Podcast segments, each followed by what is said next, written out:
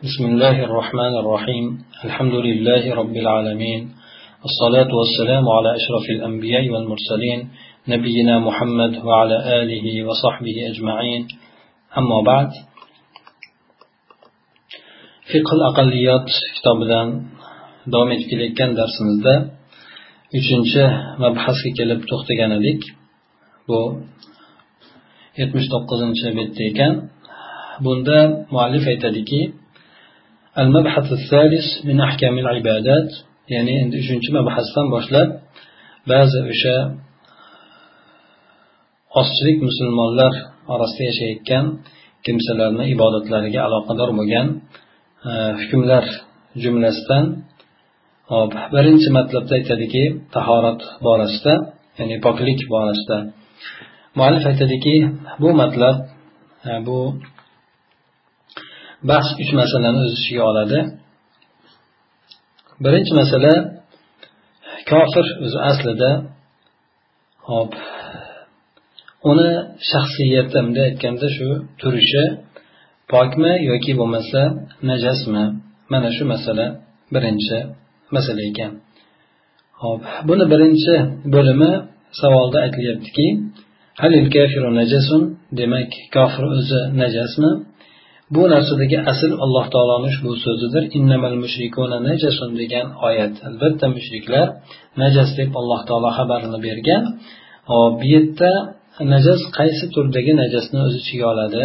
Mana bu borada olimlarni o'rtasida biroz ixtilof bo'lgan ekan. Bu yerda demak shirkdan murod nima deydi? Ha undan tashqari bu yerdagi najosatdan iroda qilinadigan narsa qaysidir? Fuqarolar mushrik borasida ikki fikrga ko'ra ixtiloflashgan ekan. Birinchisi bular jumhur ko'pchilik olimlar aytgan ekanki mana bu oyatdagi mushrik o'sha baroa surasidagi kelgan oyatda innamal mushrikuna najasun degan oyatdagi mushrikdan murod bu ha o'sha butga sanamga ibodat qiladigan har bir kimsani mushrik deb aytiladi. Buni jumhur olimlari shunday deb aytishgan ekan.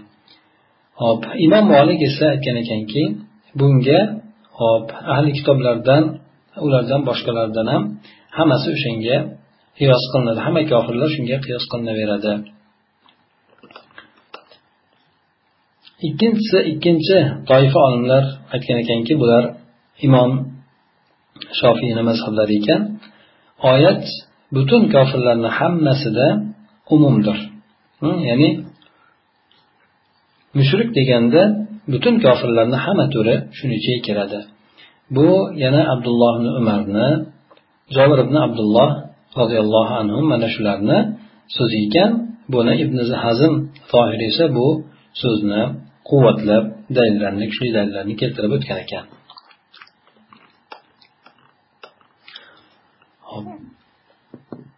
Ammo najosat borasida bo'lsa jumhur olimlar shu fikrni aytishgan ekanki alloh taoloni ushbu oyatdagi najas degan so'zidan maqsad bu ma'naviy najosatdir. Ya'ni mushrik bo'lgan odam e'tiqodida dinida e najasdir ya'ni ular hop juda yomon habis bo'lgan odamlardir yoki bo'lmasa bular bu narsa hop juda yetuk bo'lgan kuchli bo'lgan o'xshatishlik bobidan shu najasga o'xsha yaqin e, keltirilgan. Ya'ni bular e'tiqodida dinda najasu lekin juda ham yomonligidan e, odam jirkanadigan narsa bo'lganligidan shunday e, bir najas degan so'zni iborani qo'llagan deb aytishgan ekan. Imom molik roziy alusiy mufassirlardan va ahli zohirlar shu fikrni aytishgan ekanki bu yerdagi kofir ha? Ya'ni hamma kofir ham najasul ayn degan gapni aytishgan ekan. Ya'ni ayn najas degani o'zi shunday turishligini o'zi jasad tomonidan hissiy najas deb aytishgan ekan. Bu kishi muallif aytadiki men jumhur aytgan fikr mana shu rojih deb o'ylayman deydi quyidagi kelgan dalillarga binoan birinchisi alloh taolo musulmonlarga kitob ahli kitoblarni ayollariga qizlariga uylanishlikni halol qilib bergan. Ma'lumki endi u ayollarga teginishlik undan tashqari ularni terlari isiganda chiqadigan terlari albatta bundan hech qaysidir hop ularni erlari salomat qololmaydi endi. Hop shunday ekan yana bundan tashqari uydagi anjomlar erni kiyimlari bo'lsin boshqalar bo'lsin hop bu narsalarni hammasi demak hop albatta shariat bularni o'sha joyda yuvishlikni vojib qilmagandir. Shunday birga bo'lib turgan taqdirda ham. Illo ho'p ya'ni ostida muslima ayol bo'lgan kishini yuvishligini vojib etgan deb keltiribdi. Bu yerda iborani men tushunmadim yaxshi bir so'rab qilib qo'yaman. Hop ya'ni nima uchun ostida muslima ayol bo'lgan kishi yuvinish kerak ekan yoki yuvish kerak ekan. Mana shu masalani. Hop lekin bu yerda keltirayotgan maqsadi hop ahli kitoblarga masalan e, musulmonlar ahli kitob ayollarga uylanishadi. Uylangandan keyin o'z öz o'zida bular bilan bo'ladigan muomalalari bularni masalan kiyim kechak boshqa narsalarni agar o'sha badan badaniga tegadigan bo'lsa ham yuvishlikka hech qanaqangi shariat tomonidan buyruq bo'lmagan. Mana shu sababli ular kofirlar najas ayn emas ayni ko'rinib turishligi jasadi ayn emas hissiy ayn e, najas emas balki bular ma'naviy tomondan najas ekanligini quvvatlovchi dalildir. Ikkinchi dalili jumhurni keltirgan dalili ahli kitoblarni taomini muboh ekanligi qotibatan illa ahli kitoblarni hamma taomlari halol faqatgina zabihalari so'ygan narsalari bundan mustasnodir. Bu esa so'ygan narsalari faqat ahli kitoblarni o'zigagina chegaralangan. Ya'ni ahli kofirlarni yeydigan taomlar masalan aytaylik sabzavotlar. Yoki boshqa shirinliklar boshqalar bo'lsin haloldir o'shalar qilgandan keyin. Endi bu yerda so'yiladigan narsalarga keladigan bo'lsak bu narsa esa ahli kitoblarga endi chegaralangan xolos. Ha boshqalarni so'yganligi halol bo'lmaydi. Ma'lumki taomga inson teginishligi undan iste'mol qilinishligidan hech kim salomat bo'lmaydi endi. Shunday ekan bularni kofirlarni ayni o'zlari najas bo'lishligi najas bo'lishligi bu narsadan ular tegingan hamma narsani najas ekanligi kelib chiqadi endi. Ha bunday ekan ularni taomlari ham ho'p o'sha najas bir iflos bo'lgan narsaga aylanib qoladi. Unda bu shu bilan birgalikda u harom bo'lib qolishi kerak bo'lardi. Ha demak ularni qo'li tekkan narsa u harom bo'lgan bo'lar edi. Agar ular najas bo'ladigan bo'lsa masalan nam qo'li bilan tegishligi boring ana quruq quruq o'tmaydigan taqdirda ham demak nam qo'li bilan biron narsaga tegishligi o'sha shirinliklar boshqa narsalarni qilishligi bu yerda ularni badani tekkanligi uchun unda haromga aylanib qolgan bo'lar edi. Alloh taolo aytadiki payg'ambar sallallohu alayhi vasallam hop u kishini sifatlarida ularga pok bo'lgan narsalarni halol qilib beradi ummatiga hamda hobis bo'lgan narsalarni harom qilib beradi degan. Sahih suratlarda kelganki payg'ambar sallallohu alayhi vasallam ularni taomlaridan iste'mol qilgan. Ishlar idishlarni ishlatgan hadyolarni qabul qilgan.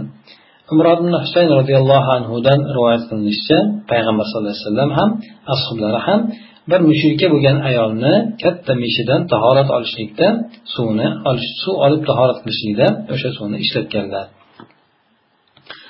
Bu hadis esa o'sha mushrikni pok ekanligiga dalolat qiladi. Chunki ayol kishi o'sha idishga teginmasdan iloji yo'q. Hm?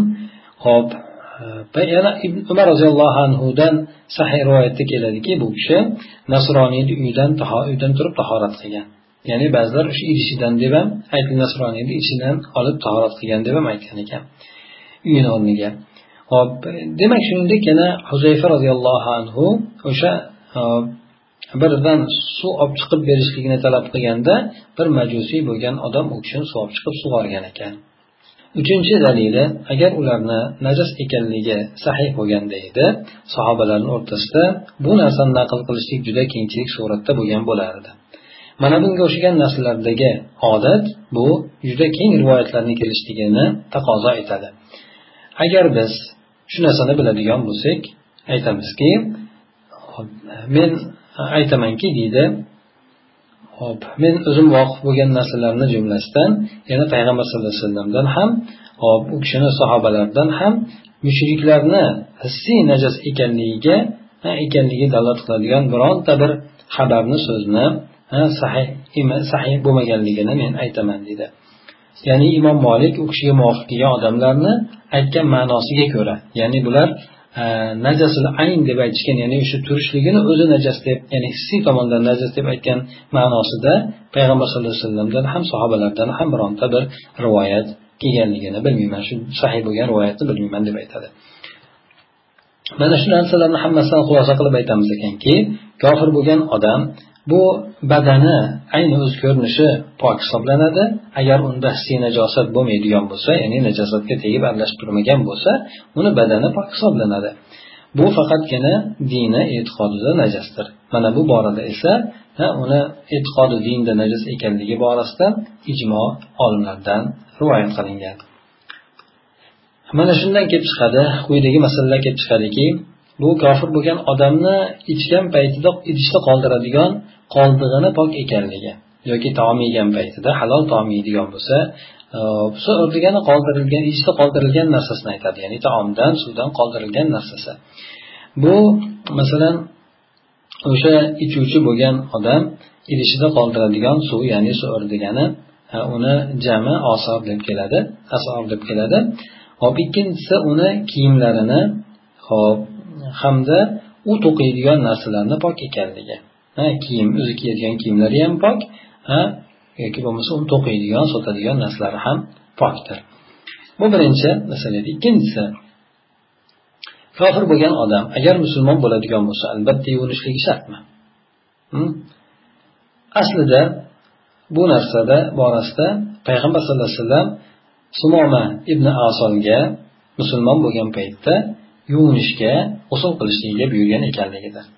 Yana qaysi ibn osim otasidan rivoyat qilinadiki rivoyat qiladiki musulmon bo'lgan ekan payg'ambar sallallohu alayhi vasallam unga o'sha suv bilan hamda sidr ishlatishlik bilan sidr o'sha ishqor ma'nosida ishqor ma'nosida ishlatiladigan bak bu bakdan o'sha sidr daraxtini bargi bundan ishqor chiqadi avvallari bu narsani sovun o'rnida yoki soda o'rnida ishlatishgan. Ana o'sha narsa bilan g'usul qilishligiga buyurgan ekan. Demak payg'ambar sallallohu alayhi vasallam buyurgandan keyin albatta u narsani qilishlik kerak bo'ladi. Hop uchinchi farqiy masala endi hop musulmon bo'lgan odamga yana kofirlardan musulmon islomni qabul qiladigan odamga xatna qilishlik vojib bo'ladimi? Ha xatna endi bu o'sha erkaklardagi avratini ustini qoplab turadigan bir terini ham usti tepasini qoplab turadigan terini bir kesishlik bo'ladi.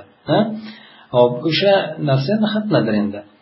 Bu narsadagi hikmat shuki unda kirlar to'planib qolmasligi najosat bo'lgan yoki kir bo'lgan narsalar to'planib qolmasligi hamda o'sha siydidan tozalanishligiga inson imkoniyati bemalol bo'lishligi.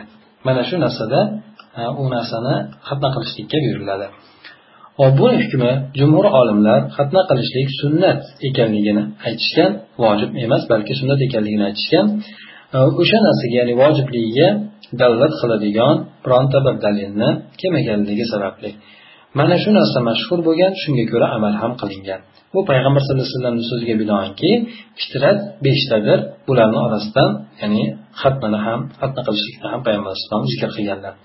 Imom shofiyni o'zlari erkaku ayollarga vojib ekanligini aytganlar.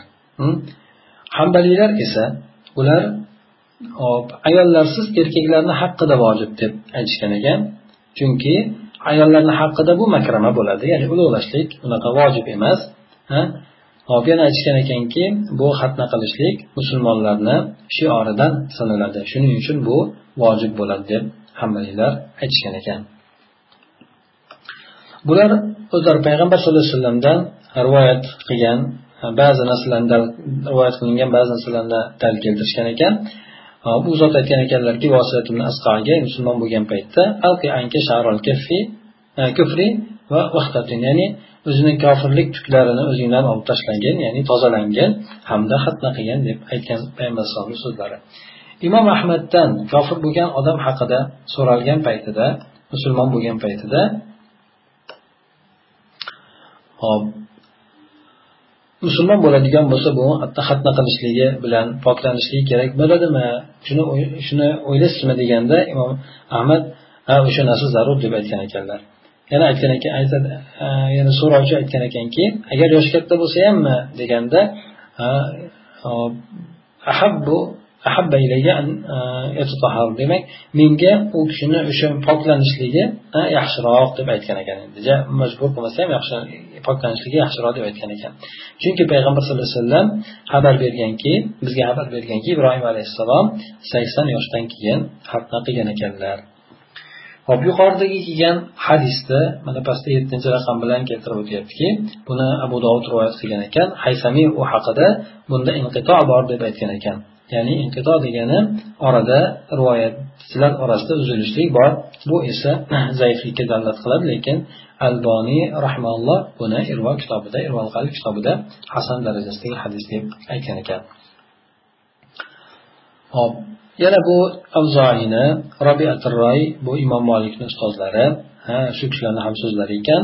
Yana bu o'sha saudiyadagi lajnani doimiy ya'ni fatvo beradigan doimiy lajnani so'zi ham o'sha yuqoridagi hammaylarda so'ziga mos suratda fatvo berishgan ekan. Demak jumhur olimlar bu musulmon bo'lgan odamni xatna qilinishligini sunnat deb aytgan ekan. Imom shofiy ayollargayu e, erkaklarga buni vojib degan ekan. Hop e, nima esa? Imom ahmad e, ibn hambal hamda hambaliylar esa buni faqat erkaklarni o'zigagina vojib bo'ladi deb aytishgan ekan. ikkinchi masala esa ob xamir endi ya'ni mas qiluvchi ichimlik bu o'zi ayni pokmi yoki najas hisoblanadimi mas qiluvchi bo'lib harom bo'lishligidan tashqari uni o'zi bironta kiyimga tegib ketadigan bo'lsa bu pokmi yoki najosatmi shu boradagi masala endi hop bu boradagi asl alloh taoloni ushbu so'zi إنما الخمر والميسر والأنصاب والأزلام رجس من عمل الشيطان فاجتنبوه لعلكم تفلحون albatta mast qiluvchi ichimlik qimor ansob ya'ni o'sha nimalarga so'yiladigan narsa ya'ni qo'yiladigan narsa toshlar ya'ni toshlarga oldin qo'yishganda bular narsalarni butlarni oyog'ini tagiga keltirib turib narsalarni so'yishgan o'sha toshlarga. O'sha toshlar hamda hop azlam ya'ni azlam deb bular mabodo bir odam safarga bormoqchi bo'ladigan bo'lsa o'sha johiliyat davrida bu o'sha butni qo'lida bir qalamchalari bo'lganda o'shanga ha yoki yo'q degan narsalarni yozilgan bo'lgan. Ana o'shanga qarab turib agar u odam o'sha qalamchalardan birisini tortib ko'radi agar ha deganchisini safar qilardi yo'q deganchisi demak xatar bor ekan deb safar qilmasdi. Mana shu o'rinda demak bular mana shu narsani ishlatishardi azlam deb bu narsalar shaytonni amalidan bo'lgan nopok bo'lgan narsalar. Undan chetlaninglar shoyatki zafar topadigan bo'lsanglar deb alloh taolo oyatda aytadi. Jumhur olimlar alloh taoloni mana bu rejis degan kalimasidan mast qiluvchi bo'lgan ichimlik bu ham hissan ham ma'nan najas ekanligini tushunishgan. Aytishganki rijis degani najas degan ma'nodadir. Ibn abbos aytgan ekanlarki bu yerda ay sahat ya'ni harom bo'lgan narsasi degani. Hop mujohid aytgan ekanki ya'ni unda hech qanaqangi yaxshilik bo'lgan narsa yo'q deb. E, said ibn jubayr esa gunoh deb aytgan ekan rizsunda hop imom tabariy esa bu ismun va najinun gunoh hamda hop sassiq bo'lgan narsa deb aytgan ekan. Hop chirigan narsa deb aytgan ekan. Ibn aslam esa azob va shar deb aytgan ekan. Ya'ni rijis kalimasini shunday deb tafsir qilishgan ekan bular. Alusiy rahmaulloh esa hop aytgan ekanki hop oyatni ma'nosida bu rijisni najas ma'nosida iroda qilingan ekanligi bu ma'qul emasdir. Masalan qimor bu maysir qimor o'ynashlik degani. Bunda o'sha najosatni hech qachon poklikdan bo'lgan najosatni aql qilinmaydi. Bu yerda bu najosat deb e'tiborga olinmaydi. Chunki o'sha qimor o'ynashlik ayni najosat bo'lgan narsa emas. Deb bu kishi aytgan ekanlar. Men aytamanki deydi balki fuqarolar ijmo ijmo qilishganki o'sha qimor hamda o'sha toshlar hamda o'sha qalamchalar bu narsalarni pok ekanligiga ijmo qilishgan. Bular hammasi rijis deb sifatlar rijis degan sifat o'sha hammasiga qaytgan ekanligiga qaramasdan endi. Ya'ni oyatdagi rizq kalimasi nafaqat o'sha ichimlikka balki o'sha to'rada keltirilgan narsani hammasiga qaytadi. Bu siyoq mana shu narsaga dalolat qiladi. Faqatgina xamir mast qiluvchi ichimlikni o'ziga emas balki o'sha zikr qilingan to'rttala narsani hammasiga ham qaytadi o'sha nima rizq kalimasi. Rahimalloh aytgan ekanlarki haq shuki bu yerda hop ayni bo'lgan narsalardagi o'zi asl bu pokligidir shariat tomonidan to harom qilinmagan bo'lsa u narsani asli halol hisoblanadi. Harom esa harom bo'lishda harom qilishlik doimo najosatni lozim tutavermaydi. Masalan hashisha hashish mana aytaylik nasha. Shunga o'xshagan narsalar bular harom lekin o'zi pok.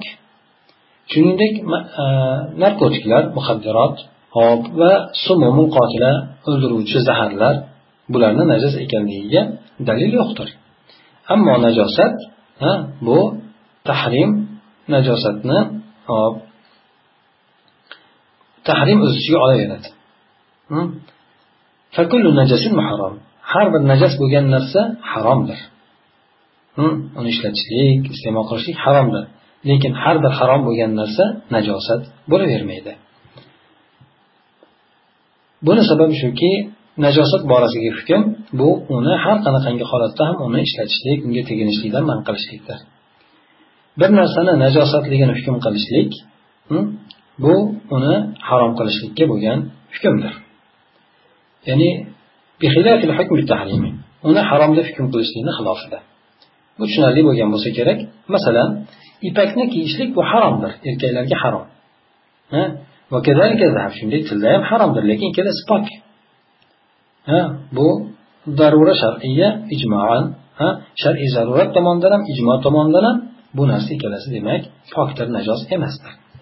Agar bu narsani bilgan bo'lsangiz demak bu nusus dalolat qiladigan xamir mast qiluvchi ichimlik bundan najosat ekanligi lozim bo'lmaydi. Najosat ekanligini lozim tutmaydi kelib chiqmaydi.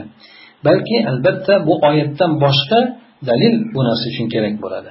Aks holda biz o'sha olimlarni o'rtasida butun shariatda ittifoq kelingan o'sha aslga binoan ya'ni poklikka binoan qolamiz endi pok deb aytamiz endi. Kimki uni xilofini davo qiladigan bo'lsa albatta unga dalil keltirishligi lozim bo'ladi. Shariatdan esa o'sha mast qiluvchi ichimlikni ayni o'zi ko'rinishligi najas ekanligiga dalolat qiladigan ochiq bir dalil sarih bo'lgan dalil kelmagandir. Demak bu narsa asliga binoan qoladi bu esa pokligidir deb sanoiy rahmaulloh aytgan ekan. Mana shu fikrni robiati roi ham imom molikni ustozlari hamda shofiylardan muzani aytgan ekanlar yana shavkoniy muhammad siddiq xon bular o'sha fikrni aytgan ekanlar. Yana e, shayx muhammad rizo bu kishi ham izofa qilib qo'shimcha qilib aytgan ekanki bu yerda demak shariat hissiy bo'lgan najosatlarga ilhoq qilishlik shar'an bu narsa durust bo'lmaydi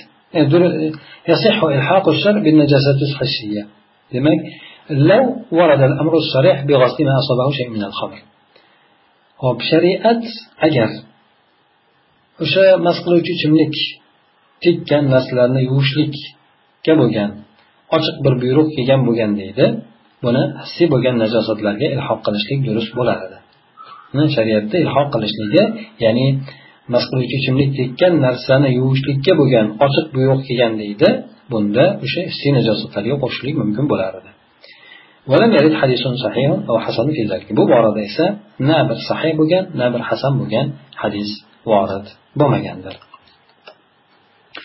sahobalar bu mast qiluvchi ichimlikni avval ichishar edi ha bularni qo'llariga kiyimlariga undan tegar edi agar najas bo'lganda edi bular undan poklanishi harom bo'lishligidan avval avvalo demak harom qilinishligidan avval albatta o'sha narsadan poklanishlikka bular buyurilgan bo'lardi. Yana aytilmaydiki bu hop harom qilishlik bilan najosatga aylanib qoldi deb ham aytilmaydi. Chunki najosat hukmda har xil bo'lishlik bilan har xil bo'ladi. Bu demak hissan va shar'an pok bo'lgan endi. Demak o'sha paytda san shar'an avvalda pok bo'lgandir. Ammo imom navaviy rahmaulloh bu kishi jumhurni najosat ekanligiga keltirgan dalillarga bu kishi taslim bo'lmaydi. Aytadiki ya'ni eng yaqin aytiladigan narsa bu g'azzoliy zikr qilib o'tgan narsa ya'ni bu yahkumu va buni bir qo'polroq suratda keltirib bir odamlarni man qilishlik jihatidangina uni najosat deb hukm qilsa bo'ladi. O'zi asli najosat emas lekin odamlarni bundan qochirishlik uchun odamlarga qattiqroq gapirishlik uchun buni najosat deb hukm qilishlik bo'ladi deb aytgan ekan. Men aytamanki deydi bu ham aslida e, bunga ham taslim bo'linmaydi. Chunki fal azlam muharrama azlam ham o'sha qalamchalar e, ha bor yo'q degandek qalamchalar ham harom qilingan. Ha bironta odam uni najosatligini aytmagan. Hattoki taqliz jihatdan qo'pol suratda keltirishlik borasidan ham uni najosatligini aytmagandir. Ammo payg'ambar sallallohu alayhi vasallam bu mast qiluvchi ichimliklarni to'kib yuborishlikka buyurgan paytlarida buyurishligi uni hop najosat bo'lganligi uchun emas.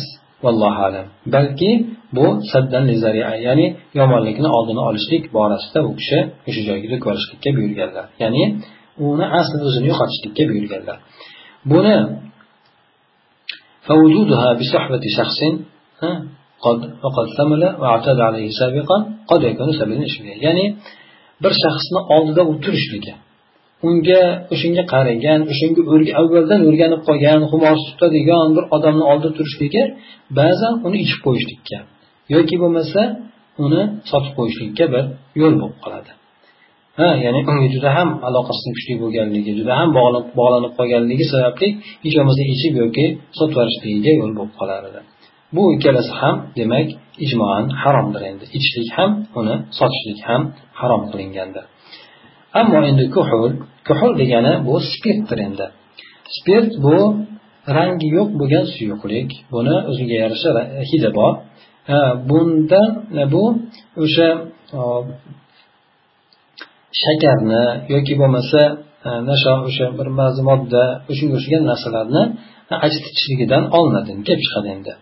Bu asli ruhul hamr ya'ni ya'ni aroqni yoki mast qilish uchun bo'lgan narsani aslidir endi. Jama deyiladi buni hukmi e, aroqda aytilgan narsani hukmi bo'ladi. Bu ham e, yuqori unda aytiladiki ya'ni bu spirt texniskiy spirt emas balki bu alohida o'sha ba'zi moddalardan olinadi. Achitganda o'sha ajrab chiqadigan nima? Bas qiluvchi bo'lgan ichimlik narsasi endi. Bu aytiladiki xamir borasida aytilgan narsalar buni ya'ni mas qiluvchi ichimlik e'tibori bilan bunda ham aytiladi. Chunki u ham muskir hisoblanadi ya'ni uni ichadigan bo'lsa mast qiluvchi hisoblanadi. Kulli muskir haromdir ya'ni har bir mast qiluvchi bo'lgan narsa haromdir endi. Azhar lajnasi uni o'zini pokligiga fatvo bergan endi. Ya'ni spirtni o'zini pok lekin uni ichishlik mast qilishlikka olib boradigan suratda ichishlik uni harom deb.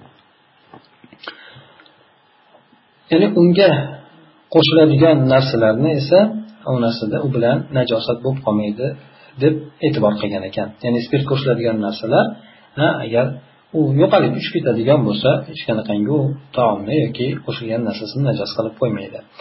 Yana muhammad rashid ridoni shayx muhammad rashid ridoni fatvolarida ham kelganki demak o'zi pok poklovchi bo'lgan narsa. Poklovchi bo'lgan narsa degani ba'zan o'sha narsalarni e, qo'ldan ketkazishlik uchun boshqa narsa uchun ham ishlatiladi endi. Buni haromligini e, harom deb aytishlikni vajhi yo'q hech qanaqa surati yo'q.